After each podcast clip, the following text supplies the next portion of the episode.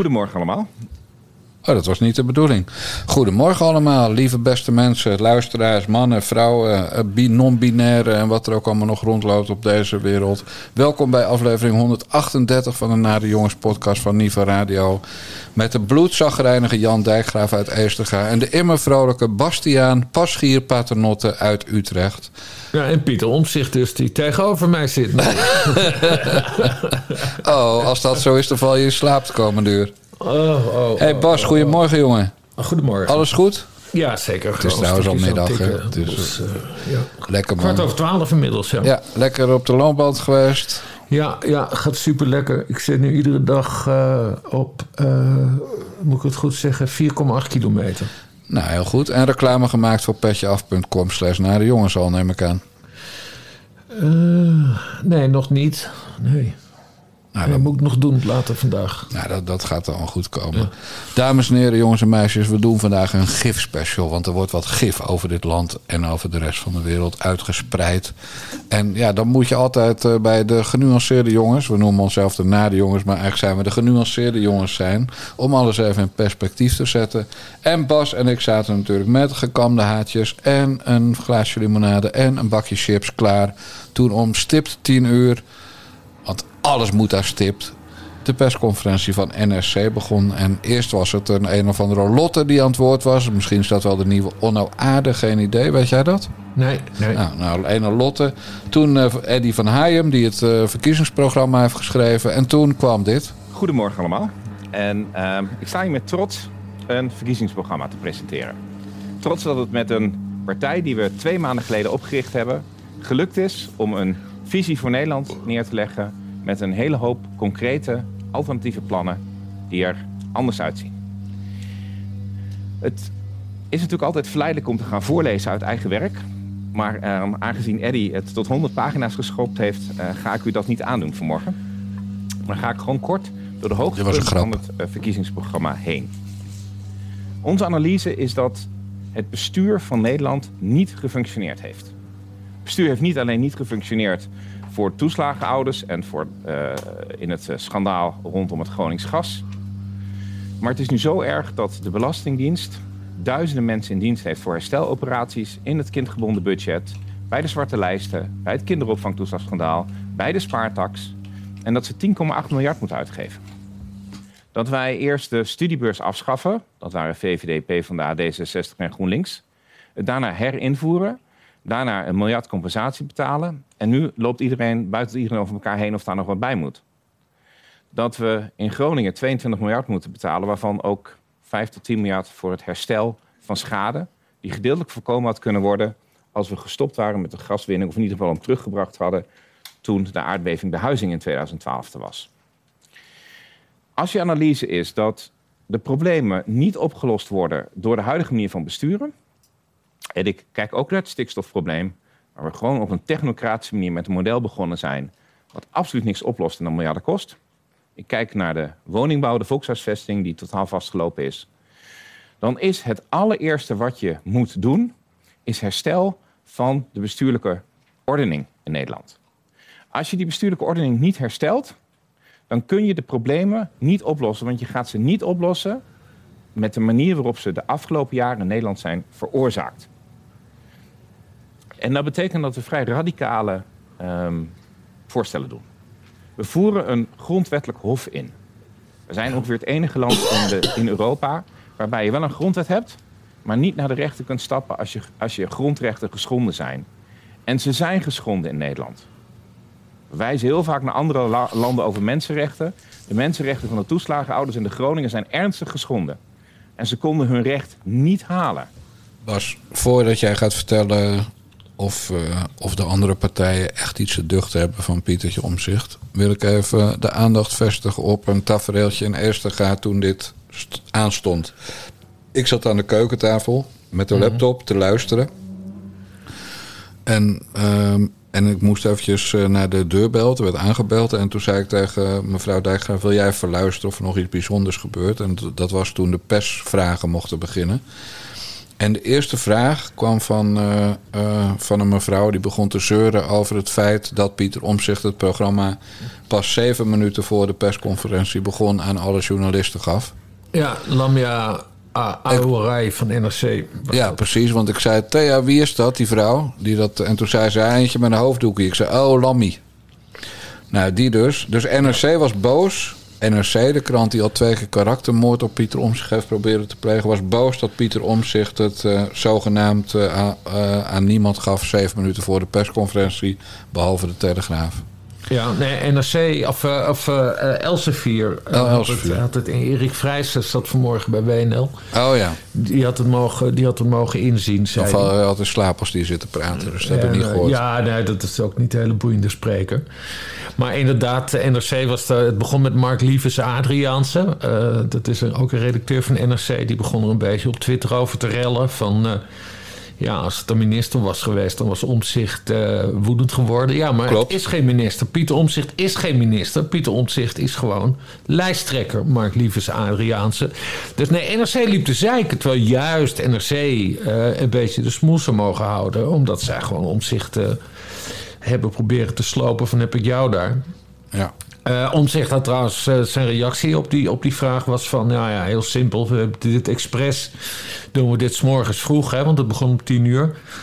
Uh, zodat, zodat jullie de media gewoon de hele dag hebben om dat allemaal rustig te lezen. En wij zijn gewoon de hele dag beschikbaar en je kan vragen stellen wat je wilt. En maak je geen zorgen. Dus dat, ik, dat deed Pieter op zich ook wel goed. En ja, nee, ik vond het een beetje, een beetje gezeik van, uh, van, ja. van, van, van, NRC eigenlijk. Die ja. waren, ze waren denk ik vooral boos dat, dat Elsevier dus meer wist. Ja. Maar ja, goed, NRC, ja, natuurlijk krijg je geen primeur van Pieter Omzicht. Want je Pieter Omzicht proberen te slopen met allemaal leugens over dat hij een getuige zou hebben beïnvloed. Wat heel anders bleek te liggen. Dus nee, ik snap wel dat dat een beetje het, water en vuur is tussen ja. die. Uh, en het blijft natuurlijk ook gewoon, het blijft gewoon de krant waar de hoofdredacteur uh, uh, grensoverschrijdend gedrag kan vertonen. En de mensen pas er wel van durven zeggen als hij al drie jaar weg is. Ja, dat, hij een iPad met een iPad loopt te scheren. Dat hij, dat hij een iPad ja. in, de, de buik van een vrouw, vrouwelijke medewerker gooit. En, de, en de krant die de, die de koninklijke familie tot, tot diep in haar ziel raakt met uh, hoe zouden de hersenen van Friso zich houden... terwijl ja. iedereen al lang wist dat hij uh, hersendood was. Ja, ja, niet anders kon zijn dan hersendood, laat ik het uh, correct zeggen. Nadat die lawine over hem was gekomen. Ja, ja gewoon echt de foutste, foutste, foutste krant van Nederland. En de, de krant de die. Koning, de koning gaat wel betalen trouwens, hè, begreep ik uit de plan. Als een omzichtig wel, ja. ja. Maar het is ook nog de krant die vorige week uh, het, het, narratief, zoals je dat tegenwoordig moet noemen, van Hamas volledig overnam bij die, uh, bij die bom op of, of zo, of, of raket op dat parkeerplaats van het ziekenhuis. En die nog altijd geen excuses heeft gemaakt. En wel heeft de ombudsman gezegd: ja, maar onder zoveel werkdruk uh, kan je fouten maken. Kortom, ja. uh, de, de mensen waren moe omdat ze een keer langer dan van 9 tot 5 moesten werken. En de krant die dan vervolgens een verhaal maakt met, uh, over nepnieuws. En dan ja. de eigen krantenkop vergeet. Nou, dus om zich krijgt wat mij betreft al twee zetels extra. Omdat die NRC gedist heeft. Ja, ja, ja. Maar goed, goed. nu de inhoud. Is dit uh, premierkandidaat om zich vanochtend geweest? Nou, ik, ik begrijp dus dat hij, dat hij het überhaupt eerst met andere partijen, met wie hij eventueel gaat regeren, dat hij het dus eerst over, over die manier van besturen wil, uh, wil hebben. Dus nou ja, dat gaat dan nog een hele lange formatie worden. Ja. Het is dus niet van we gaan nu aan tafel en. Uh, we kijken wel hoe we eruit komen op Ja, maar nee, hij wil dus eerst, dat snap ik op zich wel. Uh, en ja, dat, hij moet zijn naam ook eer, eer aan doen, denk ik, in dit opzicht. Omdat hij zelf ook het slachtoffer is geworden van wat ze een nieuwe bestuurscultuur noemde. Maar wat dus eigenlijk een hele oude, vieze bestuurscultuur bleek. Maar dat gaat dus, hè, want het lijkt erop dat hij nu toch wel richting. Uh, hij zit sowieso bij de top drie. En je weet nog niet hoe het gaat. Een maand voor de verkiezingen, er kan nog van alles gebeuren. Maar dat hij aan tafel zit, dat is sowieso zeker. Maar uh, het wordt een andere formatie dan we gewend zijn. Omdat hij dus. Hij wil dus eerst gaan praten over hoe we met elkaar omgaan. Dat, dat was mijn indruk, ja. uh, tenminste. En er zijn er dan twee partijen die daar volmondig ja tegen kunnen zeggen. Dat zijn uh, BBB en dat is Volt, met ja. wie hij al samenwerkt. Maar dan, je, Frans Timmermans kan moeilijk zeggen... ik stop met Frans Timmermans zijn. En Dylan Jusilgers kan niet zeggen... ik stop met Dylan Jusilgers zijn. Want die, hebben al jarenlang, en zeker Timmermans, decennia lang hun stempel gedrukt op die foute bestuurscultuur. Ja. Dus dat wordt uh, ja, lange formatie. Ik denk dat Rutte gewoon uh, 2030 haalt op deze manier. en, die, en die dingetjes die hij had, zijn er nog dingen waarvan, waarvan jij denkt, nou, er gaan heel veel kiezers die naar om zich neigden nu afhaken, want hij, hij wil zelf in het WEF of hij wil uh, soevereiniteit overdragen aan Brussel of, of dat soort dingen. Er staan er gekke dingen in? Uh, programma of, of, zeg je net als nee, Lamy nou ja, van... Wat, wat, wat, wat, kijk, wat vooral opvallend is, of opvallend is dus dat hij dus natuurlijk ook op asiel bezig is. Uh, wat was het? 50.000 netto, ja. Alle ja. asielzoekers. Nee, ja. alle immigranten, sorry. 50.000. Ja, en uh, nou, ik, ik, ik moest er een beetje aan denken. Want uh, je had dus dat debat, wat geen debat was, van College Tour. Hè? Uh, dat ja. was zondag. Was dat zondag? Ja, zondag. Ja, ja. was zondag. En toen vroeg, dat was trouwens wel een goede vraag van Twan Huis... Bij wie voelt u zich het meeste thuis? En hij zei bij migratie bij Dylan... Ja. Dus dat, dat vond ik trouwens wel een heel duidelijk antwoord van hem. Ja, dat zijn we niet gewend. En nee, precies. En qua bestaanszekerheid meer bij, uh, bij BBB en bij uh, PvdA, Groen, PvdA GroenLinks. Uh, en nu blijkt dus dat hij daar inderdaad wel serieus is over. Dat hij dan redelijk stevig in dat asielverhaal staat. Ja. Dus slecht nieuws voor jij in het 20, denk ik ook. Want die probeerde zich nog een beetje te profileren hè, op, ja, op asiel. Maar dit is nog een reden hè, van in de. Hè, Pieter, Pieter Omtzigt zegt niet dat er een, dat er een asielstop moet komen, zoals, zoals, zoals, zoals PVV en jij 21 willen. Maar hij zegt wel van. Uh, nou ja, ik, ik, ik wil hier toch iets stevigers over zeggen. Vandaar dat max van 50.000. Dus dat is, geen, dat is ja. slecht nieuws voor jij 21 hoor, denk ik. Ja, je zag alweer de, de omzicht haters op Twitter losgaan. Mm. Met uh, 50.000, uh, dat, dat, uh, dat is hartstikke veel. Dat zijn er zoveel per week. Maar het gaat om alle immigranten. Dus het gaat ook om uh, asiel of mensen die, die voor werk naar Nederland komen. Het gaat ook om buitenlandse studenten die hier studeren. Ja, ja. En dan wil hij de som van het aantal, sorry, het verschil tussen het aantal immigranten en emigranten. Wat vorig jaar 238.000 mensen was, als ik het goed heb. Dat wil hij tot 50.000 maximum. Ja. Maxi. Nou ja, en laten we even eerlijk zijn, Bas. Er gaat natuurlijk een gigantische stroom uit de Gaza deze kant op komen. Waarvan, ja. waarvan de helft minimaal op Hamas heeft gestemd bij de uh, democratische verkiezingen die daar worden gehouden. Ja, in 2011 was Ja. dat, maar goed. Ja, dat maakt niet uit. Als je nog Ja. leeft dan, eh, en, en, en dat, eh, het gedachtegoed is natuurlijk iets breder verspreid dan eh, dat het alleen maar militanten zijn. Ja, nou, ik, ik vind dat die, die, al die, die Gassaanse mensen... Lekker daar blijven zeker. die moeten maar lekker in de eigen regio worden Ja. opgevangen. Wij doen de Oekraïners al. Dus, Ja, maar, eh, maar wedden dat dat niet gebeurt? Nee. We halen, ze gewoon, is- we halen de vijfde kolonne gewoon binnen. Dat is heel wel, heel wel mogelijk.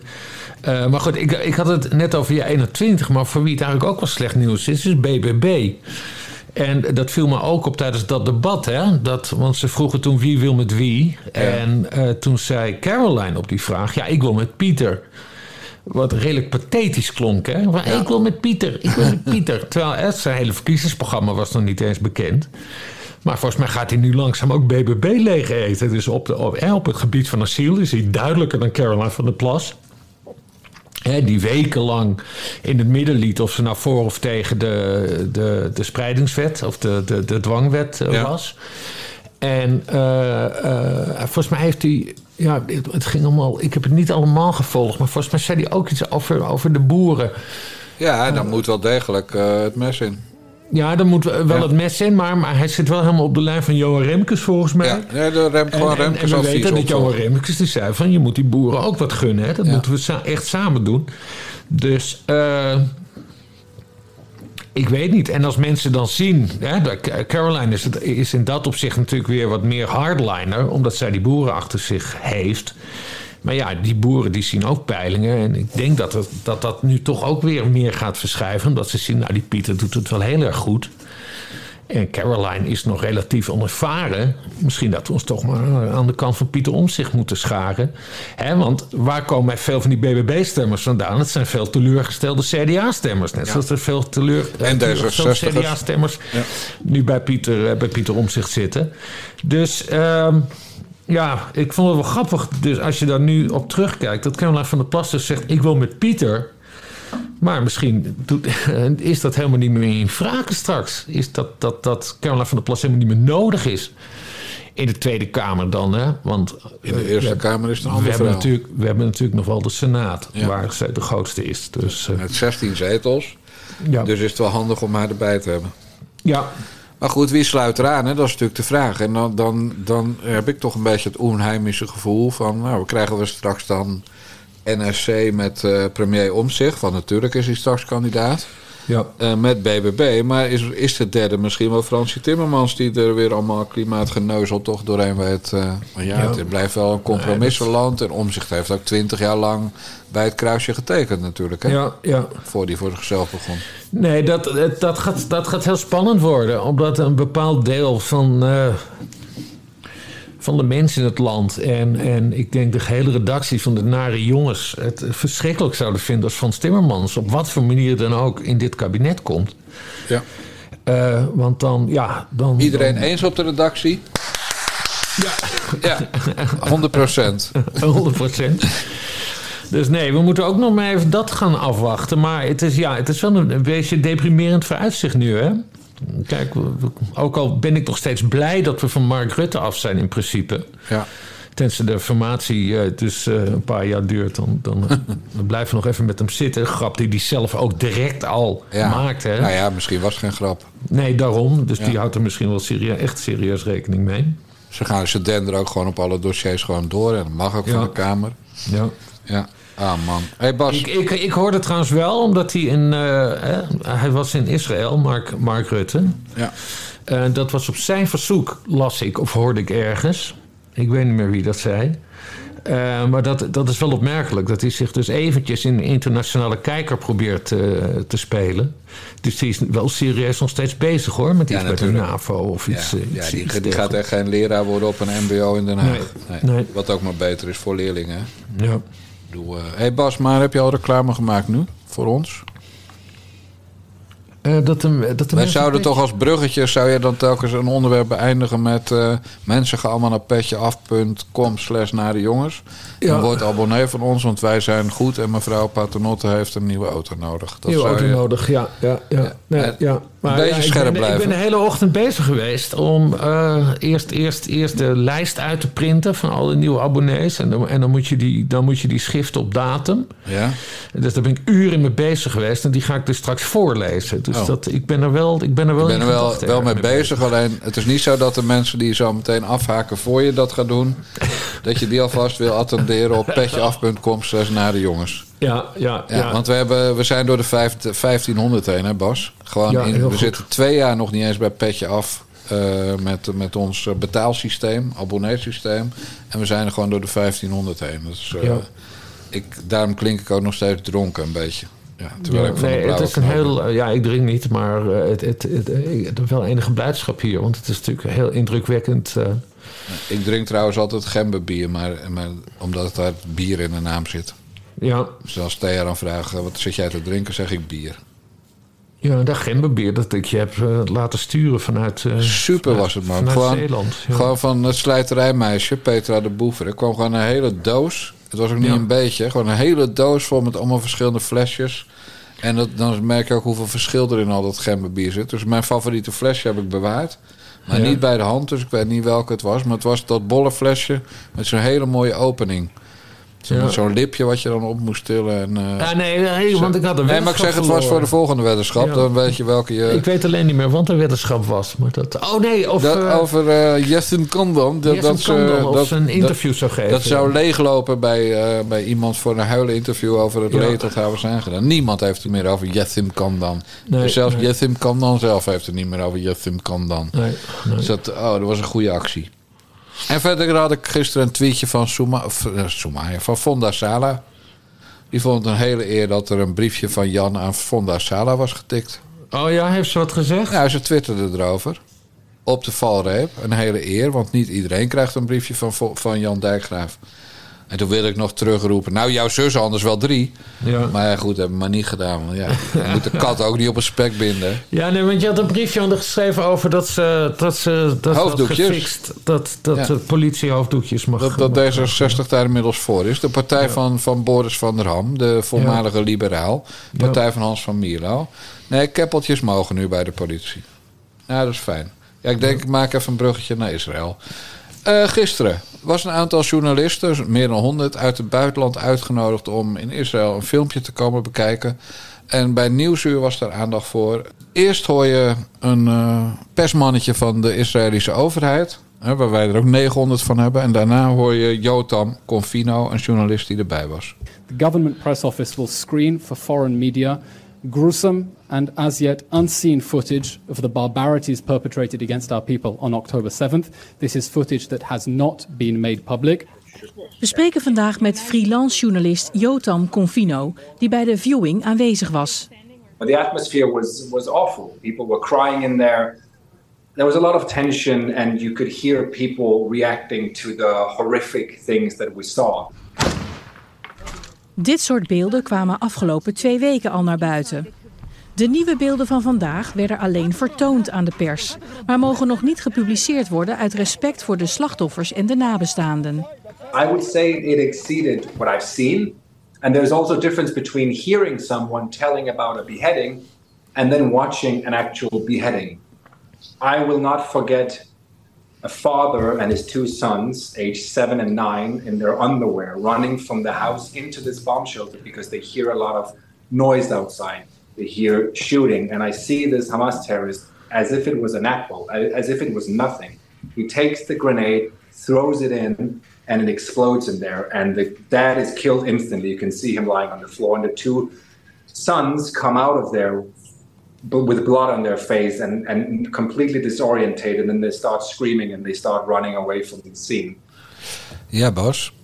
En er zijn natuurlijk altijd weer mensen die, die het schandalig vinden dat Israël dit doet. Ja, Hoe durven ze zo'n filmpje te laten zien? Want dat is natuurlijk allemaal oorlogspropaganda. ja. Ook bij Nieuwsuur zat weer zo'n Midden-Oosten deskundige. Heb je die gezien of niet? ja, die brievenbus. Peter Malcontent. Malcontent. Oh nee, ik dacht dat je die, die mevrouw bedoelde uit Gaza zelf. Ja, nog erger. Journalist nog erger. uit Gaza. Ja, Ja. Voor welk medium dan? Ja.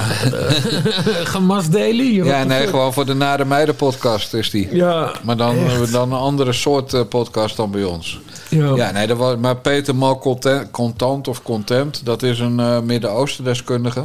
Mhm. Ja, en die, die vond het eigenlijk maar allemaal eh, ja, niet zo mooi. Want hij zei... eh, het doel is om de wereld te laten zien dat ze de kant van Israël moeten kiezen. Daarbij gaan ze met een gestrekt been in. Ze willen dat de wereld ziet hoeveel leed ze is aangedaan. Door expliciete beelden te delen, hopen ze mensen voor zich te winnen. Ja, wat dacht je dan, Pipo? Dat is toch volkomen normaal dat Israël dat doet? Maar het gaat, al- het gaat al...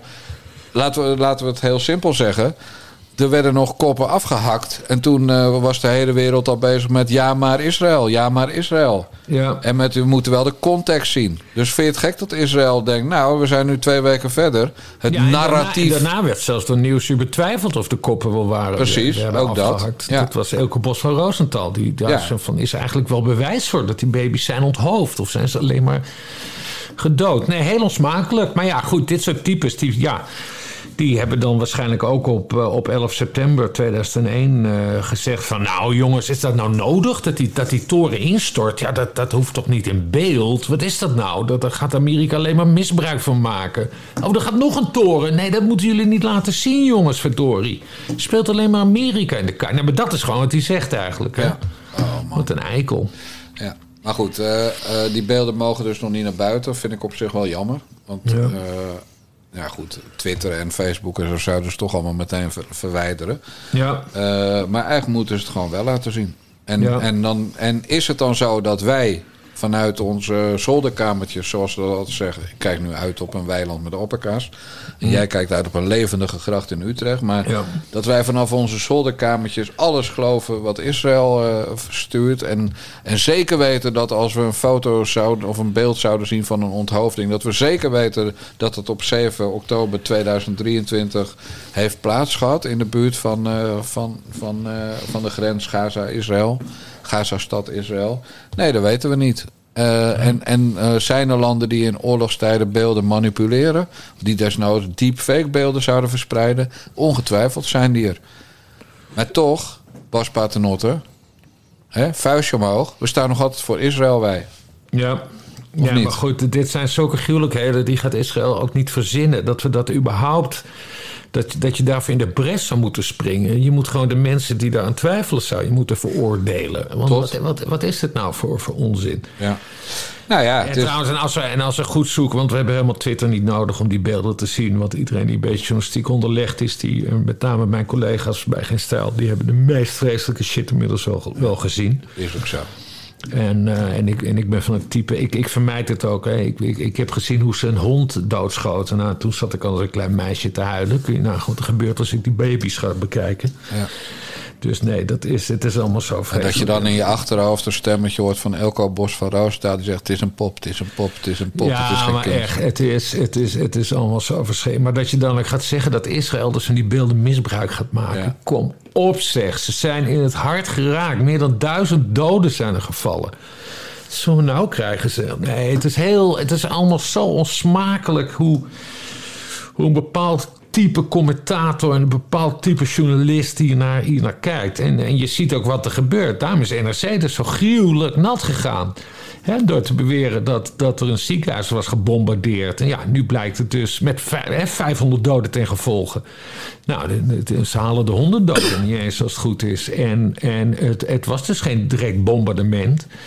En het is eh, ook ook, niet van Israël. duidelijk of het van Israël kwam of, of van Hamas. Dus ja, dan ga je wel op je muil. Dus eh, ze moeten allemaal een beetje dimmen, die mensen, vind ik. Ja, maar en- goed, dat... eh, En niet alleen die mensen, maar ook Frans Timmermans deed het, hè? Met zijn aanval op, het- op dat ziekenhuis. ja, maar goed... eh, Frans hebben ook nog eens sorry gezegd, hoor. Nee, maar Frans Timmermans, die, eh, dat, dat gun je hem niet hoor. Maar die, die staat nu echt zo op een, eh, hoe heet dat? Zo'n balk bij turnen? De evenwichtsbalk. Evenwichtsbalk, ja. Echt. En hij, en hij is al topzwaar. Ja. Maar, hè, want de ene, ene keer zegt hij, ja, het was een, het was een pogrom. Nou, toen hè, zeiden wij netjes, netjes gezegd, helder analyse Frans. Maar ja, aan de andere kant wordt aan hem getrokken door al dat eh, extreem links en GroenLinks tuig. eh. ja. Eh, dat was trouwens weer even terug naar dat, wat, wat geen debat was van, van College Stewart. Dat za- zag Caroline van der Plas wel heel goed, hè? Uh, en dat, dat ging niet over Israël, maar dat ging natuurlijk over. oh, dat ging over die kerncentrales. Van uh, ja, Frans, je wordt hier gewoon. Er wordt hier door GroenLinks, door je GroenLinks achterban aan getrokken. Want het klopt gewoon niet wat je zegt over die kerncentrales. Dus nee, Frans Timmermans, die, die, een verscheurd man moet dat zijn op dit moment, denk ik. Ja. Ja, wat trouwens ook wel grappig is, want, want af en toe valt er ook wel een GroenLinkse weg, hè? Doordat Mhm. Timmermans eh, in, in de ogen van GroenLinksers eh, veel te veel pro-Israël is. Ja. Want hij veroordeelt namelijk Israël niet heel erg hard. En hij vindt het ook wel zielig voor die mensen die eh, zijn onthoofd enzovoort. Eh gisteren stapte ook de een duo-voorzitter van de afdeling Amsterdam van GroenLinks op. En dat is toch wel een van de grootste broeinesten van GroenLinks tuig. Ja. Anna K. nog wat, hele moeilijke eh, eh, Oost-Europese achternaam. Karaninovic. Nooit van gehoord. Nee, dat, maar dat is nou juist het mooie. Nooit van gehoord, ik wel. Mhm. Was voorzitter van de NVJ-sectie freelance. Oh? En dan wordt het toch weer een ander verhaal. Dus dat betekent dat, dat iemand die Frans Timmermans en de PvdA GroenLinks op dit moment niet pro-Hamas, pro- pro-Palestina, pro-Gaza genoeg vindt. Mhm. eh, die had gewoon een functie bij de NVJ. Ja. Eh, de, en de NVJ is de vakbond van journalisten. Ja. En, eh, en op het moment dat, dat iemand in Amsterdam eh, of in Rotterdam compleet maf wordt en drie mensen vermoordt omdat ze klagen over hoe die huisdieren behandelt of hem geen diploma als arts willen geven. dan, dan is die, die gast drie jaar geleden eens een keer lid van Forum voor Democratie geweest, waarschijnlijk. En dan wordt meteen de link gelegd tussen Forum voor Democratie en terrorisme. Hè? Ja. De kogel kwam van Thierry Baudet, zeggen ze dan. En het mes. Eh, maar op het moment dat iemand van GroenLinks opstapt toch wel met een redelijk belangrijke functie, voorzitter van de afdeling Amsterdam, dan hoor je niemand, hé, hey, maar de, zit, uh, zit, zit dat GroenLinks Hamas-tuig zo diep in de Nederlandse Vereniging van Journalisten? En dat past natuurlijk heel erg bij ons narratief, dat de Nederlandse media echt volledig uh, van het padje zijn in dit geval. Ja, het is nu ook wachten op een, op een open brief van de Nederlandse media. Hè, dat al de journalisten zich gaan uitspreken. Want dat was, heb je dat gezien gisteren? Ja, natuurlijk heb ik dat gezien. De filmmakers Ja, ja. die hebben zich, Ja. eh, zich uitgesproken. Oh jongen, wat heb ik gezocht? Jij ook? Oh, Ja, en er stond familielid van mij op. Ja, Barbara is dat echt familie? Ja, die zit in de catering. Die doet catering voor films, begreep ik. De broodjes mevrouw. De broodjesmevrouw stond er ook. En er stond, het was zo mooi. Er stonden, ook, er stonden ook twee gasten op. Karel en Willem. Figuranten. dus je hebt, dat is een duo. Die heette Karel en Willem. Stond geen achternaam bij. Ja. En die zijn dus figuranten. en, er stond, en er stond een mevrouw bij. Die noemde zich aspirant-regisseur. Oh ja. Dus dat was geen regisseur, maar die was ja. aspirant-regisseur. Ik ben aspirant DJ, maar ik stond er niet op. En de, de, de, de, de third assistant of the director stond erop. En daar, maar daar heb ik op gezocht. Hè. Dat is wel een serieuze eh, eh, functie in de filmmakers. Want ik dacht, dat is de assistent van de assistent van de assistent van de regisseur. Dokter van de ploeg, ja. Maar de, de third assistant, dat is echt in, in Amerikaanse vakbonden omschreven rol. Eh, die, eh, die gaat over het contact eh, te- met, eh, met bijvoorbeeld figuranten zoals Karel en Willem. en, en die moet echt zorgen dat een set klaar is. En dan komt, het, dan komt de tweede assistent. En die controleert het dan nog even. Ja. En dan komt de eerste assistent. En die gaat dan met de regisseur gaan ze daadwerkelijk filmen. Dus nee, het is wel een echte functie. Het is niet een bedachte functie van ik ben de derde assistent van de regisseur. Nee, het is een echt een. De third assistant is een officiële, officiële Ja. functie. Maar wat een zootje zeg. Allemaal Ja. van die filmmakers die in het buitenland... dat was, was laatst uit onderzoek... bleek dat, dat de Nederlandse film eigenlijk niks presteert in het Nee. buitenland. Nee, dat klopt. En dan toch eventjes als, als een soort, soort, soort Kissinger gaan ze zich mengen in het Midden-Oosten Midden conflict. Wie er niet op stond, trouwens, was de enige regisseur die het goed doet in het buitenland. Namelijk Martin Ja, Koolhoven. die vond het wat pathetisch, zette die op Twitter. Ja, ja. Po- nee, ja, nou, zoiets. Maar geval... En, en Edith Stal, die het volgens mij ook niet goed doet in het buitenland. Maar wat, wat wel een van onze favoriete regisseurs is natuurlijk. Stond er ook niet op. Ik had ook niet En anders. Sanfou Malta ook niet. Stond hij er ook niet op? Volgens mij niet. Maar goed, je lult mooi door. En ik snap dat wel, want je kent mij inmiddels als je broekzak. Je weet dat ik natuurlijk nog even ga doorvragen. Ga jij mij heel erg eh, laten lachen door te zeggen dat jouw familielid paternotte van de broodjes en, en de quinoa salades... dat dat een zusje is van je nicht, van je neef? Nee, nee, ik had, ik had nee, serieus hand op mijn hart. Ik had tot gisteren nog nooit gehoord van Barbara Paternotte. Dus Oh? dat, eh, nee. En, en, maar het is wel familielid, dat weet je Ja, wel. het, het, het huis Paternotte, dat het eigenlijk is een hele kleine familie, heel overzichtelijk. Dus het, het, het- nee, het, is niet dat er zoveel takken zijn dat het dan heel. Nee, het is één, één familie, de Maar, maar Paternottes. hoe ver is er dan familielid van je? Eh, dat weet ik niet. Want nee, ik heb dus echt voor het eerst van de, voor het eerst van de gehoord. Maar ze komt uit Amsterdam. Want ik, ik heb. Ik zag dus dat ze in de catering zat. Dus toen heb ik daarop gegoogeld. En toen zag ik dat ze begin deze eeuw. een, een cateringbedrijf is begonnen in een. eh, hoe heet het? In een bakfiets over de Amsterdamse grachten. Dus ik ga ervan uit dat ze in Amsterdam, uit Amsterdam komt. En eigenlijk komen alle paternotters die komen uit Amsterdam. Eh, dat is zeg maar de. Ja, eerst Bel, lang verhaal. We komen uit België. En, eh, en toen hebben ze zich gevestigd in Amsterdam. En, dus eigenlijk komen alle paternotters uit Amsterdam. Zo moet je het zien. Nee, dat, dat zal dus allemaal. eh, dus, dat maar zal- verder heb ik het niet gecheckt. Ik had ook nog nooit van de gehoord. Nee, maar dus, eh, dat zal allemaal wel. Maar Ja. kan zij dan op onze kerst, ons grote kerstfeest met de abonnees, kan zij dan de broodjes komen smeren? Ja, kan jij dat regelen? Ik zou natuurlijk wel een, eh, een eh, familiekorting kunnen proberen. Nou, te, korting. eh, ik dacht meer dan bieden. gratis. Ja, Ik vind dat iedereen die hier komt, hè, dus mensen die, die het geluid eh, eh, doen, die de kerstboom eh, mooi maken.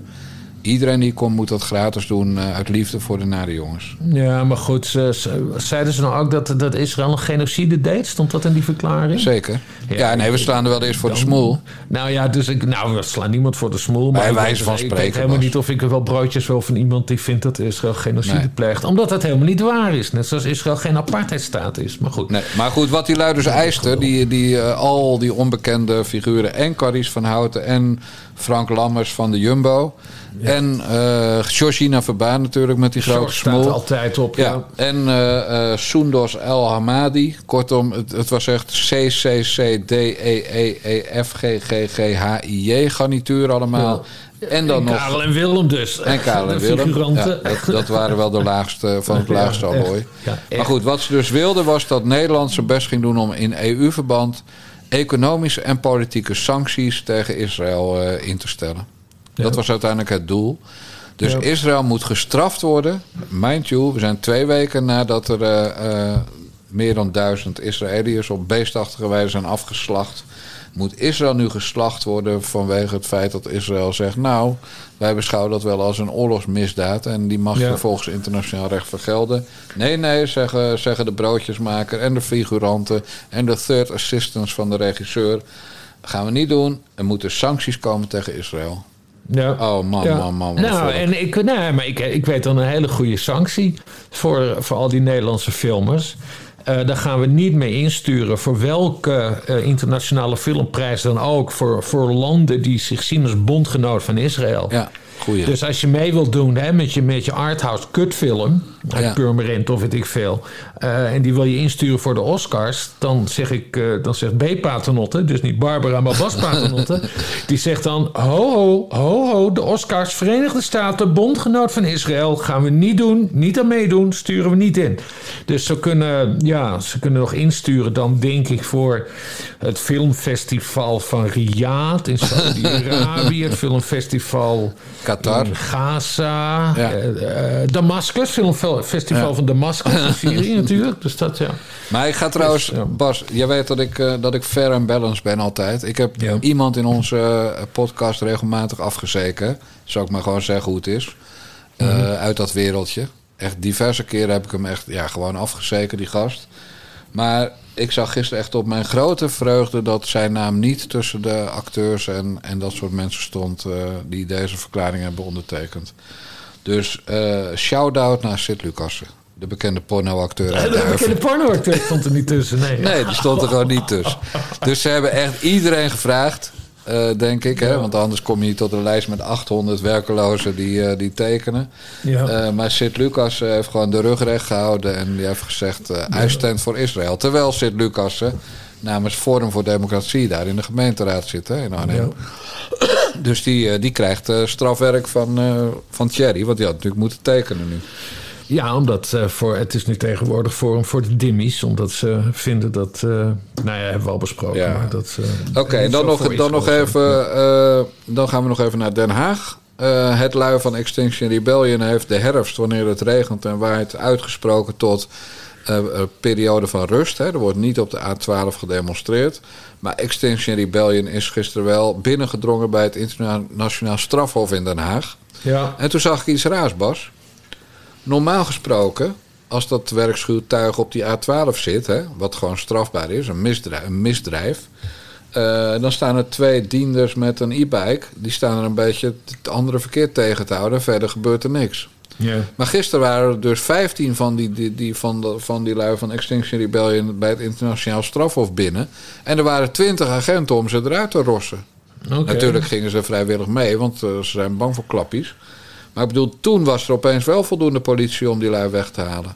En dat vind Ja. ik toch raar. Wa- waarom is het internationaal strafhofkantoor belangrijker dan de A12, waar eh, ja, gewoon eh Hagenezen hun centjes moeten verdienen? Nou ja, om- omdat 15 Ext- Extension Rebellion, eh, rebellen, eh, iets overzichtelijker ook is, denk ik. Dat, eh, Dat zou kunnen natuurlijk. Dat ze ongetwijfeld ook mee, eh, meespelen. Maar goed, ja, god, daar gingen ze ook- Rebellion met het, ja, Ja. Het, het, het is niet slim van ze hoor, die branch-out van ze. Nee. Met we gaan nu ook de Palestijnen helpen. Ze noemen, ja, ze, ze noemen het niet XR Palestina of XR Pogrom, zoals ik had bedacht. maar ze noemen het XR eh, Solidariteit. Ja, fuck off. Dus eh, ze, kunnen, ze willen het over, hè, ze willen eh, met alles solidair zijn. Maar ja, goed, tot nu toe horen we ze alleen maar over wat er, eh, wat er in Israël, eh, Israël gebeurt. Dus ik weet niet of dat goed is voor hun, voor achterban. dat Want ik wel. Niet iedereen, die, eh, niet iedereen die gaat dat trekken. Nee, maar ook hè, dat extreem linkse spul wel. Maar je hebt ook allemaal van die nette huismoeders... die het dan toch wel spannend vonden om op de A12 te staan. Ja. En, en, en gerenommeerde wetenschappers en, en, en, en, en advocaten en dergelijke. Ja, die, worden, die moeten nu ook iets vinden van Israël. En tegen Israël zijn en voor, voor de Palestijnen. Dus ik weet helemaal niet of al die mensen dat wel willen... en of ze daar überhaupt bij betrokken willen zijn. Dus ja, het, is, het, is, het lijkt me gewoon niet slim vanuit een marketingperspectief... om opeens nu ook, ja... Gaan dus ze eh, laat, ze, laat ze dit maar lekker doen. En, en laat ze maar eh, als Extinction Rebellion achter die, eh, die gast staan die vermoord werd in Brussel. Weet Ja. je wel, die, die eh, twee eh, Zweden had doodgemaakt en toen gewoon op brute wijze werd vermoord door de politie de volgende ochtend. Ja, Laat in ze een er maar achter gaan staan. Ja, laat ze- had hij zijn wapen nog bij zich. Zat hij met zijn wapen op zijn rug, zat hij in een café koffie te drinken. Ja. Nee, laat Extinction Rebellion maar gewoon laten zien eh, waar ze voor staan. Ja. Terroristische organisatie is gewoon, ik zeg artikel, weet ik veel, 130, 100 137, nou ja, criminele organisatie, 137, ik heb, ik heb Ja. hem weer. En gewoon keihard aanpakken dat tuig. ja. Oh, dan zijn we nu bij Dylan, maar daar heb ik helemaal geen zin in. Nee, nee. En, eh, en, en Dylan pakt ze dus ook niet keihard aan. Nee. Want, eh, hè, daar hebben we wel eens over gehad, die Kamervragen die zijn gesteld over de financiering. Van, van, van kun je niet de financiering aanpakken Ja. van, van, Van dit terroristen. Rebellion? Hè? Omdat er, er zit een stichting Vrienden van eh, achter. Maar nee, dat kon niet. Maar wie wilde dat? Ingrid Derksen. Ja, van de VVD. VVD-justitiewoordvoerder. Dus eh Maar daar had Dylan geen trek in, want ja, ja, voor je, geen trek in. Nee, want voor je het weet gaat dat tuig de arena in. Waar Dylan elke twee weken zit met, eh, met de man die in de bestuursraad van die club zit. Ja, precies. hey Bas, wij gaan eventjes over een, eh, een vriend van de show hebben. Eh, vanochtend om half tien verscheen er een filmpje online van eh, onze vriend eh, Ries de Mos. Vandaag vindt in de rechtbank van Den Haag de regiezitting plaats in zaken het gedeeltelijk hoger beroep dat het Openbaar Ministerie tegen mij en andere betrokkenen heeft aangespannen. Ik ben daar vandaag niet bij. Voor tv-opname zit ik in het buitenland. Deze opname heb ik laten prevaleren boven aanwezigheid omdat ik werkelijk niet snap waarom het Openbaar Ministerie heeft besloten gedeeltelijk in hoger beroep te gaan. Om nog langer de democratie in de stad Den Haag te gijzelen en het politieke proces te beïnvloeden. Een jaar geleden zei het OM, ook bij een regiezitting, letterlijk dat het aan de rechter was om te bepalen of onze manier van werken corruptie of ombudspolitiek is. En dat deed de rechter. Hij liet niets heel van de verdenkingen. Hij was zeer kritisch op de werkwijze van het Openbaar Ministerie. Die werkwijze is veel te rigide geweest, oordeelde de rechter. De rechter stelde ook vast dat er bij de door ondernemers gedane partijdonaties geen sprake was van kwade bedoelingen. Sterker nog, de donaties lijken gedaan uit goede bedoelingen, al dus de rechter. Maar in plaats gehoor geven aan de door mij gedane oproep aan het Openbaar Ministerie om de zaak los te laten, is er dus een gedeeltelijk hoger beroep. Met als enige reden om gezichtsverlies te voorkomen. En dat is zeer kwalijk. Zeker ook omdat oud-OM-topman Van den Burg vlak na de vrijspraak stelde onze boosheid te begrijpen. En dat het OM niet blind is voor de maatschappelijke gevolgen. Dat is het wel. Uit een peiling blijkt dat 64% van de stad onze partij terug wil in het college. Dat dus mede door het OM niet gebeurt. Omdat partijen het hoger beroep afgelopen zomer hebben gebruikt om onze partij, de grootste partij in de stad, opnieuw uit te sluiten. Het OM voert daarmee een politiek proces. En dat is bijzonder schadelijk voor onze democratie en het toch al zo broze vertrouwen in de rechtsstaat. Natuurlijk ben ik in maart bij de inhoudelijke behandeling van de zaak met een rotsvast vertrouwen dat het recht zegen zal vieren wel present. Ik hoop dat ik daarbij opnieuw op uw onvoorwaardelijke steun mag rekenen. Alvast bedankt. Mooi, hè? Al die klemtonen van Ries. Ja, ja. Eh, Maar weten we in welk buitenland hij zit? Ja, ik, ik, weet waar, ik weet waar die zit, maar ik mag eh, weinig zeggen. Het gesprek ging zo. Voor welk programma ben je weg? De gevaarlijkste wegen. Met een lekker wijf? Ja, natuurlijk. Maar wie mag ik niet zeggen tot de datum van uitzending in januari? Richard Mos doet mee aan de gevaarlijkste wegen. Ja, dus toen heb ik gezegd, nou, doe Claudia de Breij dan de hartelijke groetjes voor mij. Oké. Maar ik zeg niet wel met welk lekker wijf die dan eh, daar, daar Ja, zit. ik vind het trouwens, ook al was hij op vakantie, ik had het sowieso een goed excuus gevonden. Want wat heeft hij nou te zoeken bij die zitting? Ja, het was een regiezitting, dus zo. Ja, precies. precies. Hij is ook alweer afgelopen. Er zijn vier data bepaald in maart, waarop er weer een gewone zitting is. Ja. En 20 maart is dan de laatste dag. En dan volgt twee weken of vier weken later vanwege de complexiteit de uitspraak. Dus tot eind april 2024. Deze kwestie begon dus op 1 oktober 2019. En tot eind april 2024 speelt het. Nou, het, OM is nu uit op een klein veroordelingje. Dan kunnen ze toch zeggen: we hebben al die tonnen, miljoenen misschien wel, niet weggegooid. Mensen kunnen altijd zeggen, net als bij Wilders gebeurt, hij is veroordeeld, veroordeelde crimineel. En, en eh, heeft dus bijna vijf jaar geduurd dan. En dan, zou die eventueel nog een stap kunnen zetten naar de Hoge Raad om eh, nietig te laten verklaren. Ja. Maar goed, dat zal niet gebeuren. Maar het is gewoon eh, vijf jaar lang. Vijf jaar lang, Nee, maar echt hè, dit gekloot. Het is, ik vind, ja, nee, ik heb het wel met hem te doen in dat opzicht. Maar kijk, ja. Kijk, de grote spanning is eraf. Die grote vrijspraak heeft hij gehad. Ja. Hè? Dat, dat kan niemand meer van hem afnemen. En je ziet nu vooral die enorme kleinserigheid van, eh, van dat Openbaar Ministerie. Eh, het enige ja, wat nog wel echt concreet vervelend is, is, is dus dat die. eh, nou, dat, dat de kwestie dus ook helemaal daar in dat Haagse college is gaan zitten. Waardoor de VVD er dus uit is, eh, uit is gestapt. En nu Denk aan de macht is. En waar nu, nu Denk aan de macht is. En, en, en ja, daar, daar begon hij ook over. Ja, dat moest hij wel even noemen, vind ik. Maar dat hebben we, hier wel, hebben we hier eerder tegen hem gezegd. Hè, dat hij daar. Hij moet daar niet meer over zeiken de hele tijd. Nee. Want laat het, laat het gaan. Want straks zijn de gemeenteraadsverkiezingen. En je hoeft alleen maar te laten zien wat er gebeurd is. Dat Denk fucking de macht heeft nu in, in Den Haag. Ja. Hè, waar ze met Hamas-vlaggen rondlopen, notabene. Eh nee, Richard de Mos... eh, die gaat de, de gemeenteraadsverkiezingen keihard winnen. Dus daar hoeft hij verder niet over te klagen. En, en over het Openbaar Ministerie. Nou ja, goed. Die regiezitting dus. En dan gaat het in maart verder. Ja, begin, ik geloof 3 maart de eerste en dan 20 maart de laatste zittingsdag. Ja, En dan, nou, dat eh, gaat wel sneller dan natuurlijk. Ja, Ja, omdat het, eh, alle getuigen of alle eerdere verhoren zitten natuurlijk in het dossier. Ja, dus, ja, ja, dus het is niet helemaal herhalen. Eh, maar goed, dan nog, jongen. Het is, het is zo'n het is zo'n vreselijk politiek proces. Ja, ja, ja. ja. Maar goed, de MOS gaat inderdaad dan in 2026 bij de volgende gemeenteraadsverkiezingen gigantisch winnen. Dat kan niet missen. Ja. Als dit college al blijft zitten, hè? Want, want ik weet niet of iedereen achter de Hamas Nee. vriendelijke denklui blijven staan.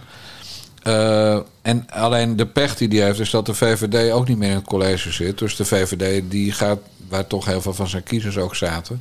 Maar de VVD gaat dus ook winnen in 2026. Maar, Ja, maar goed, eh kudos, hopelijk voor, wordt- voor de VVD. Ja. Dat, dat zij hun rug, rug hebben rechtgehouden Oh, door ja. er ook uit te stappen. En er dus niet weer in te gaan stappen. Want dat was mijn verwachting. Hè? was als ik, Van, van, van dat ze gewoon er weer in, in gaan. Maar dat hebben ze niet gedaan. Dus daar kunnen ze alleen maar baat bij hebben. Om samen de grootste te worden. als ik vrijgezel was en 25 jaar jonger en een goddelijk lichaam zou hebben en eh, zou geloven in het goede van de mens, Hmm. dan zou ik achter Lotte van Basten Batenburg aangaan. Ja, dat is het nieuwe gezicht van de VVD daar. Hè? Die is zo goed en die was al goed op die avond dat het college viel in Den Haag. Eh, maar dat is een VVD'er die het verkiezingsprogramma van de VVD uit 2010 geschreven zou kunnen hebben. Ja, Hup, gewoon een wijf met ballen en niet alleen maar keihard aanpakken dat tuig, maar gewoon, ja, gewoon dingen doen. ja, ja. principes hebben. Je niet laten ringeloren door D66. Nee, maar weet je nog dat we ook echt een beetje Maar goed, verbaasd ik ben dus waren al dat er- 61 nee, maar en dat wij kaal en verbaasd dik waren dat de. VVD... Dat wij verbaasd waren dat de VVD in Den Haag de rug recht hield in dit Ja, dossier. Maar dat komt alleen maar door Mark Rutte. Omdat Mark Rutte de politiek zo verziekt heeft... dat zelfs wij de nare jongens die altijd fair en balanced zijn... gewoon dachten, nee joh, de, de VVD in Den Haag, hè, de stad Den Haag... Gaan, die zijn exact zoals Mark, dus die gaan natuurlijk ook Richard eh, verneuken. Nou, hebben ze dus niet gedaan. Dankzij het Lotte van, hoe heet ze? Lotte van Baten? Basten Batenburg. Ja, ze heeft ook een grappige naam. Leuk, leuk. Ja, ik zit nog een beetje te denken aan wat jammer dat ik eigenlijk al 61 ben. En klein, kaal en dik en al getrouwd. En, en, en ja, verder ook gewoon helemaal geen vertrouwen meer heb in, in politici. Dus ik denk dat als Lotte van Basten Batenburg een stapje verder zet richting landelijke politiek... dat het gewoon een soort Bente Becker gaat worden. Nou, en Bente Becker zou ik mijn hond nog vanaf schoppen als ik een hond zou Ja. hebben.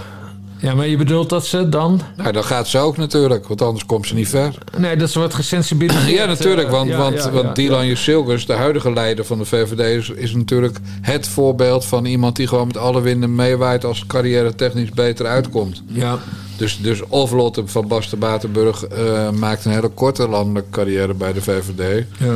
Of eh, eh, ze gaat ook gesensibiliseerd worden, zoals dat inderdaad heet. ja.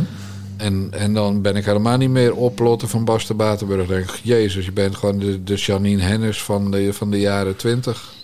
Ja, daar kunnen we trouwens nog een keer een hele special aan wijden hoor. Hoe, wij, hoe vaak wij niet teleurgesteld zijn In geraakt. VVD-vrouwen.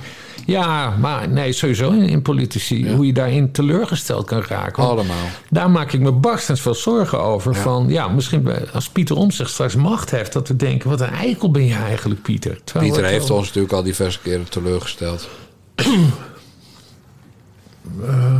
Dat weet ik niet meer. Maar... Nee, dat, dat- ik, ga, ik ga ook niet vertellen waarbij. Want als die mensen, dan gaan mensen die koe weer uit de sloot halen. Ja. Maar dat is gewoon eh, een gegeven. Pieter Omtzigt had natuurlijk het kabinet ook al tien keer eerder kunnen laten Oh, zo bedoel je? Ja, ja, ja, ja, ja. ja nee, absoluut. absoluut. En, en, maar daar hebben we wel eens discussie over gehad. Dat ik, dat ik het juist goed vond dat hij vanuit zijn coalitierol. Eh, Ja, ja, juist heel goed deed, bla bla bla. Dus dat gaan we niet over. Maar ik bedoel meer in het algemeen dat. dat, Ja, dat klopt. Maar dat is gewoon ook de makker van, van politici. hoe je het wendt of keert. Aan het eind van de rit zijn ze toch vaak, vaak erg, erg onbetrouwbaar. Ja, is één politicus van, van dit moment waarvan ik zeker weet dat hij altijd zijn woorden nakomt. En dat is Thierry de Groot. Ja. ja. Je kan veel van je zeggen, maar je weet wat je aan hem hebt. Ja, dat gewoon. is toch Dus, zo? ja. Ja, de helft van de boeren weg en niet zeiken. Jongens, zoek je maar een leuke baan. Ga je maar Ja. omscholen. Nee, dat is wel waar. En, en je krijgt nog een paar centen mee ook, dus gewoon je muil houden. En ja, en Ja. ik was zeven jaar geleden was ik eh, lobbyist voor de melksector. Dus Ja. toen was ik voor meer, meer, meer koeien. Maar nu ben ik van D66 en nu wil ik minder, minder, minder koeien. Ja. En als die boeren zich verhangen, nou, dat scheelt weer afkoopsommen. Ja, ja, ja. Ja. Dus, dus dat is een man met principes. Nee, maar goed, de enige die, die op mijn no- nominatie staat... die nog niet door de mand is gevallen, is bij mij Caroline van der Plas. En die heeft dus ook wel beweerd dat ze tegen die, eh, die spreidingswet... die dwangwet gaat stemmen. Of Ja. haar partij in de Eerste Kamer. Eh, maar dat is wel een soort lakmoesproef. Stel je Ja. voor dat, dat, die, eh, dat die die wetten doorheen gaan jagen. En je Ja. weet dat, dat, ze nu, eh, dat Van den Burg elke stem aan het ronselen is daar. ja. Dus er moeten maar twee sena- senatoren van BBB door, door de mand vallen. Ja, dat, dat is dan van die, van die hulpjes zoeken. Wat ze, Ja, weet nog wat dat was? Wat, Henk wat. Rutte toen, toen Henk Otter, de enige keer dat Henk Otter op het torentje mocht komen, toen, toen was zijn... Dat was de stikstofwet. Oh, dat was de stikstofwet natuurlijk, ja. En toen, en toen mocht Henk Otter op het torentje komen in ruil voor zijn steun. Zodat Ja. hij ook even zijn, zijn torenmomentje had. En dan moet je nu zien wat daarvan is gekomen van die stikstofwet. Ja. Ja, is toch niet normaal, man. Nee, Bast, vertrouwen. Kijk, Richard de Mos, hè. Ik heb natuurlijk zijn boek uitgegeven. Maar Richard de Mos is natuurlijk ook een politicus. Als, ze zijn gewoon allemaal zo. Want als je niet zo bent, dan red je het niet lang in de politiek. Nee, nee. Nou, dat, dat, dat, dat is even wat opbeurends dan nog op het Ja, eind. nee, heel, heel, heel, heel erg opbeurend. Ja, Eh, we, sluiten toch leuk af voor we naar Phil gaan. Namelijk eh, eh, met een tripje.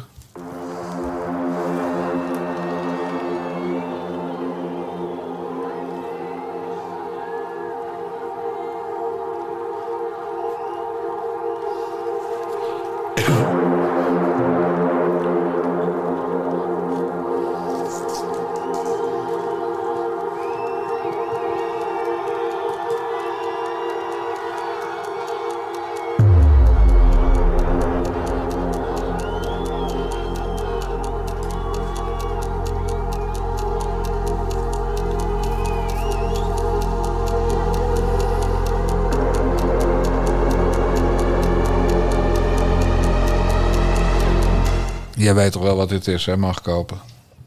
Nee, dit is. eh, dit is dit, nee, dit is volgens mij die band van. eh, na, na, na, na, The Wall. Pink Floyd. Het is Armin van Buren. oh. En dan weet je wel over welk onderwerp dit gaat. Want Nee, ook dit niet, was een nee. optreden van Armin van Buren eerder dit jaar op eh, bij Oosje. Oosje. Dus een, eh, een club in, op Ibiza. Ja. En dan gaat het natuurlijk over, Bas, Ibiza. Wie ging er terwijl zijn voetbalclub een, een doodstrijd aan het voeren is? Wie ging er twee keer in een week naar Ibiza op vakantie? Ik weet ook welke club we het gaan hebben, maar ik heb eigenlijk geen idee wie naar De Ibiza- trainer van Ajax. Die ging gewoon in de Is hij naar herfstvakantie. Ibiza gegaan? Ja, Oh, dat wist ik niet. Want, als, want trainers doen dat altijd in een interlandperiode, zei Maurice Stijn. Dus de mensen moeten niet zeuren. Want ik had maar twee spelers hier. De rest was allemaal voor interlandverplichtingen weg. Of geblesseerd.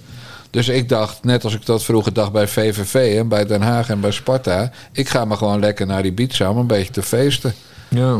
En dat werd hem nogal kwalijk genomen. Ja, maar sowieso, als je in die, in die hele toestand zit bij Ajax, dan, dan, dan het domste wat je kan doen is het schip verlaten. Want, want, want iedereen gaat dan, ja, dan is het niet eens meer stoelpootslag. hè. Je moet er wel bij zijn om nog een beetje in de gaten te hebben wie de dolk in je rug gaat steken. Exact. Ja. Nou, en gisteren is duidelijk geworden wie de dolk in de rug heeft gestoken. Uiteindelijk natuurlijk Louis van Gaal. Ja. En Jantje van Halst en Michael van Praag. Maar waar ik echt pislink over was, was dat de supportersvereniging en de F-site, hè, dat tuig dat ervoor zorgde dat Ajax Feyenoord werd eh, gestaakt, dat die hebben geëist dat Stijn moest aftreden. En dat toen de Van Praagjes van die wereld, dat die toen de Ja. knoop hebben doorgehakt en zeiden, nou, nu moet hij weg, want onze supporters zeggen het. Nou, over Ja. de verkeerde mensen mag even gesproken. Ja, en natuurlijk niet alleen op de F-site. Ja, en we, en we steven nu ook echt af op degradatie, begrepen. Nee, joh, ben je man. Ze hebben, ze hebben twee wedstrijden minder gespeeld. En waarvan Ja. één staan ze voor, een paar minuten voor het eind. Ja. Dus als ze die allebei winnen, staan ze op dit moment al negende. Dus Ja. het gaat helemaal nergens over dat Ajax in degradatiegevaar is. Maar wie heeft dan dat verhaal? Is dat ook weer... Nou ja, ze staan nu wel zeventiende. Dus, dus feitelijk klopt het. Maar ja, twee wedstrijden minder gespeeld dan de rest, waarvan één bijna binnen is. Dus het, het gaat helemaal nergens over. En Ajax wordt echt gewoon keurig zesde of zevende. En Stijn die kon er ook niks aan doen dat, dat die, die Duitser eh, allemaal eh, vriendjes uit de tweede divisies overal haalde. Ja. Dus hij zat, zit gewoon met kutmateriaal. Maar hij moest nu wel weg, ja. Ja. En, en het maakt me allemaal geen reet uit, joh. Want we, sta- we staan gewoon... En John, John van het Schip gaat hem opvolgen, hoor. Nou, dat is ook zo mooi. Ja, die wordt dan genoemd nu, hè? John van het Schip. Dus ik vanochtend even zoeken wat John van het Schip nou als trainer heeft gepresteerd. Ja. Nou, zijn laatste club was het Griekse nationale elftal. En daarmee heeft hij zich niet gekwalificeerd voor het EK van 2022. Hè? Ja. Dus Zweden was beter. eh, en Spanje. Dus die, die eh, gingen door uit die pool. Eh, hij heeft zich niet gekwalificeerd voor dat EK. En toen eh, wachten die Grieken heel lang met verlengen van zijn contract. En, en dat duurde een meneer te lang. En toen heeft hij gezegd: Ja, dan stop ik ermee. Ik voel, Ja. het voel te weinig vertrouwen. Nou, hij heeft één keer in Australië heeft hij een, een, eh, een beker gewonnen. En verder heeft hij als trainer helemaal geen pepernoot gepresteerd, die John van het Schip. Maar ja, dat is natuurlijk eentje uit van de oude hap bij Ajax. En hij praat met dat kutaccent, wat alle Ja. Amsterdammers doen. Terwijl het gewoon een Canadees is. Hij is in Canada geboren. Eh, Nederlands-Canadees. Maar echt, Johnny van het Schip. En ze hebben Danny Blind al teruggehaald in de Raad van Commissarissen. En, en alle macht gegeven aan Louis van Gaal. Ja. Eh, en Michael van Praag, man. Oh, oh man. Echt. Ik bedoel, ik gun Ajax het slechtste. Maar zo erg hoeft het toch ook allemaal niet? Eh, ik heb zo'n medelijden met mijn vriend Erik de Vlieger. Die zit daar in Portugal. Dan gaat hij. Ja, natuurlijk gaat hij kijken met, met zijn zoons... die daar dan eventueel ook verblijven. En, en dan, dan krijg je zo'n pak op je sodemieter van FC Utrecht. Dat Ja. 18e stond. Hè, die nog slechter waren. Die stonden helemaal onderaan. Ja, ja, ja, ja, ja. Ik heb Ja, een heerlijke, heerlijke pot ja. gezet. Heerlijke pot was het zondag Ja, trouwens. ja, goed. Ik heb, ja, ik heb, we hebben het hier luid en duidelijk gezegd. Ik ben beschikbaar. Ik ben beschikbaar om, eh, om eh, meneer Jusulkes op te volgen in de, in de, in de, in Raad- de in- bestuursraad. In, in de bestuursraad. Eh, ik, wil, ik wil desnoods meedenken op ander niveau. Eh, het, eh, ik, ik ben beschikbaar. Misschien wil Barbara Paternotte broodjes smeren. Ik weet het niet. Maar ja, we kunnen Paternotte terughalen naar Ajax. Het is toch mijn Ja. familie, Maar, eh, maar je hebt nog niks gehoord van ze zeker. familieclub. Nee, niks gehoord. Maar nee. kan jij ook dat accent? nee, Ja, nee. dat is wel noodzakelijk daar. Ja. Anders moeten ze Oost nemen. Ja, dan, ja maar dat, dat moet ik oefenen van... eh, Hé, maar van- Johnny, Johnny, die, die, die Johnny, hè? bal mot, Johnny. die Johnny, die bal mot, mot, mot, erin of zo. Nee, ik, ik weet niet of ik dat Amsterdamse accent maar heb zeg maar jouw accent en een druk aan pand. Ik denk niet dat dat, dat, dat gaat werken dan. Kom aan jongens, zet hem op, die, die lederen knikker. erin. Kom op.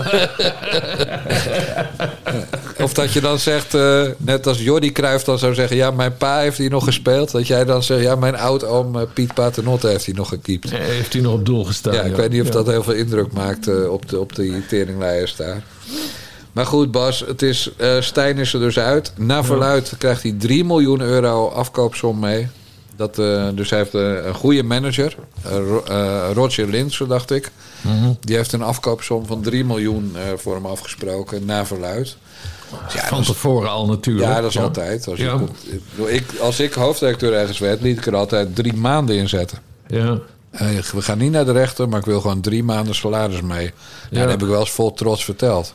En nu heeft er gewoon iemand, eh, ja, die krijgt gewoon twee jaar salaris mee. Ja. Eh, dus was ik, ja, ik, ik heb gewoon, ik heb er ook nooit gebruik van gemaakt. Maar dacht wel, jezus, wat een loser was ik eigenlijk. Ja. Maar goed, aan de andere kant, ja, al- als het Ajax-hart van, eh, van Maurice Stijn groot is, zegt hij misschien wel, laat me zitten dat geld. Dat heeft Ja, maar het is, het is dit, nee, maar ik vind dat wel, wel interessant, omdat het ook zo serieus geld is. Dus als club, dan, hè, dat geld trek je ervoor uit. Ja. Eh, en vervolgens ga je toch verneuken, omdat die, wat was het, een zweet? Een Duitser? Of die die Duitser met zijn vage aankoopbeleid. Dus, dus dan ben je bereid om te investeren, maar dan geef je het geld op de verkeerde manier uit. En Maar goed, is- de 3 miljoen van Stijn staan weer in geen verhouding tot de 115 miljoen van Mietslikat. Hmm. Eh, dat, is, dat is natuurlijk aanzienlijk meer. Maar, en dat is, werkt ook gewoon zo in die wereld, dat je dan vaak je contract uitbetaald krijgt. Maar Maurice Stijn heeft nog nooit zoveel geld gezien als nu. En daar heeft hij dus vier maanden voor moeten werken. En, en ik geloof dat hij twee wedstrijden heeft gewonnen. Officiële Ja, wedstrijden. Paternotte transfert eh, voor, voor een periode van één jaar van de nare jongens naar Ajax voor 1 miljoen. Ja, en, en ik dan? Schoon, schoon. Oh ja, nee, ik neem een assistent mee natuurlijk. Oh, ik mag jouw assistent worden. ik ben jouw... Nee, maar hoe gaaf is dat? Ik ben jouw wij naar Maduro. Dat, jij, dat we samen naar Ajax gaan. Nee, maar goed, omdat jij Feyenoord bent. Je, dus je kan niet En hoeveel ga ik dan verdienen? Ja, nou, de, de helft. Dus uh, Dijkgraaf. Oh, de helft. En denk jij dat ik dan mijn zoon nog eh, te zien krijg, de jongste? Nee, ja. Ik denk dat Bob Dijkgraaf me onterft. Oh man, god ja. Nee, dat wordt wel heel ingewikkeld ja, als het dan eh, op die manier moeten aanpakken. Ja. Nou, laten we, weet je, we laten gewoon lekker Johnny van het schip uit het seizoen afmaken. Ja. En, eh, en dan komt er weer een nieuwe. En eh, als die Mark Overmars toch gewoon zijn piemel in zijn broek had je, mag, je mag hem niet ophangen nu hoor, maar ik vind het wel een hele goede grap. Dus ik maak hem nu het wel gewoon alvast van. Dan lopen wij daar samen, dus door de, door de arena. en, en, dan, en dan komt Johnny, Johnny van het Schip, die, kan- die zegt dan... Hé hey Bas, en, eh, hey, wat leuk, Frans Klein meegenomen. Oh, oh, oh, wat goedkoop.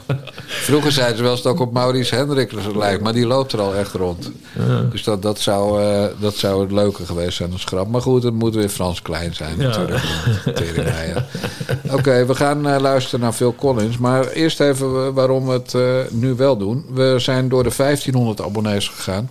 ja, En ik moet zeggen dat ik ontzettend boos ben op nummer 1500. Die heet Peter Schut. Ja. Dus ik heb even mailcontact met Peter Schut ge- gezocht. En Peter, mag ik jouw naam noemen? In het kader van de AVG, AGV, hoe die ook heet.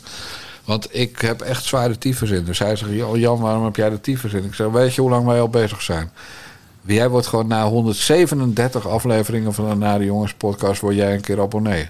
Dus je hebt 137 keer heb je gratis naar ons zitten luisteren. Heb je onze geweldige eh, extra's zoals de Bellen met Bassie podcast... en de Bassie en Jan Moskee, die tegenwoordig Bassie en Jan Synagoge eh, heet... heb je gewoon gemist. Het de- deed er voor jou niet toe, omdat dat je moest betalen... 4 eurotjes per maand of 40 per jaar. En nu pas... Nu pas kom je over de brug, Peter Schut. Dus, dus Ja. ik heb zware teringen en eigenlijk wil ik je er gewoon uit pleuren en je geld terugstorten. Ja. Dat heb ik hem gemaild. Eh, maar ik heb hem maar niet op cent gedrukt. Want ja, eigenlijk is het gewoon hartstikke leuk dat ook Peter Schut nu abonnee is. Ja Toch? Nee, heel goed. Heel dus goed. Peter, jij welkom. En eh, de rest van de lijst, eh, ja, die laat ik aan mijn assistent eh, over. Pas Paternotte, voor de helft van het geld. Net als bij Ajax.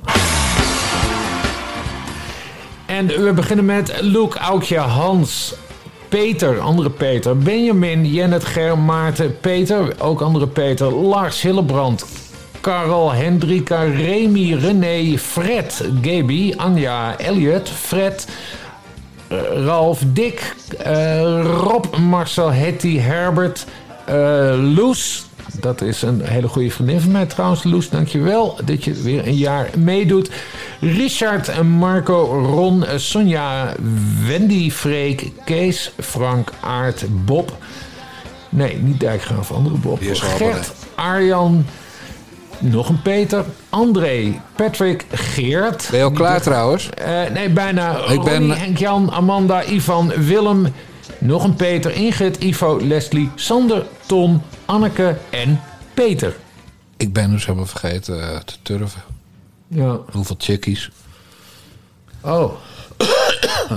Dus. Even zien, nou, dat, dat bereken ik wel even heel snel. Even zien, het zijn 58 mensen het hier. 1, 2, 3, 17, 18, 19, pom, pom, pom, pom, pom. 49 dames. Hè? Nee, Dat weet ik veel, dat kan ik toch niet zo snel tellen. Nee, dat is ook heel moeilijk voor jou te tellen. Maar goed, we hebben dus 20 nieuwe abonnees de afgelopen weken per week, afgelopen drie weken per week bijgekregen. Ja. Eh, dus we zitten lekker op streek richting 1750. Want als we op 1750 abonnees zitten bij de Nare Jongens podcast via petjeaf.com slash Nare Jongens. Ja. 40 euro per jaar, 4 euro per maand. Dan komt er nog een extra podcast in de winter. dus daarvoor hebben we nog, als ik het goed heb, 238 mensen nodig. ja. Dus dan kan je zeggen, Zitten wij nou tegelijkertijd te snotteren ja, trouwens? joh, man. Het is, ja. het is echt- ik heb een kriebelhoest en eh, de Darolan helpt niet. En ik kreeg ook klachten over de hoestkwaliteit van een luisteraar. Ja. Het is gewoon, het is, ik zeg gewoon, ik ben er gewoon klaar mee, Bas. Ik zeg de mazzel. Doei, doei.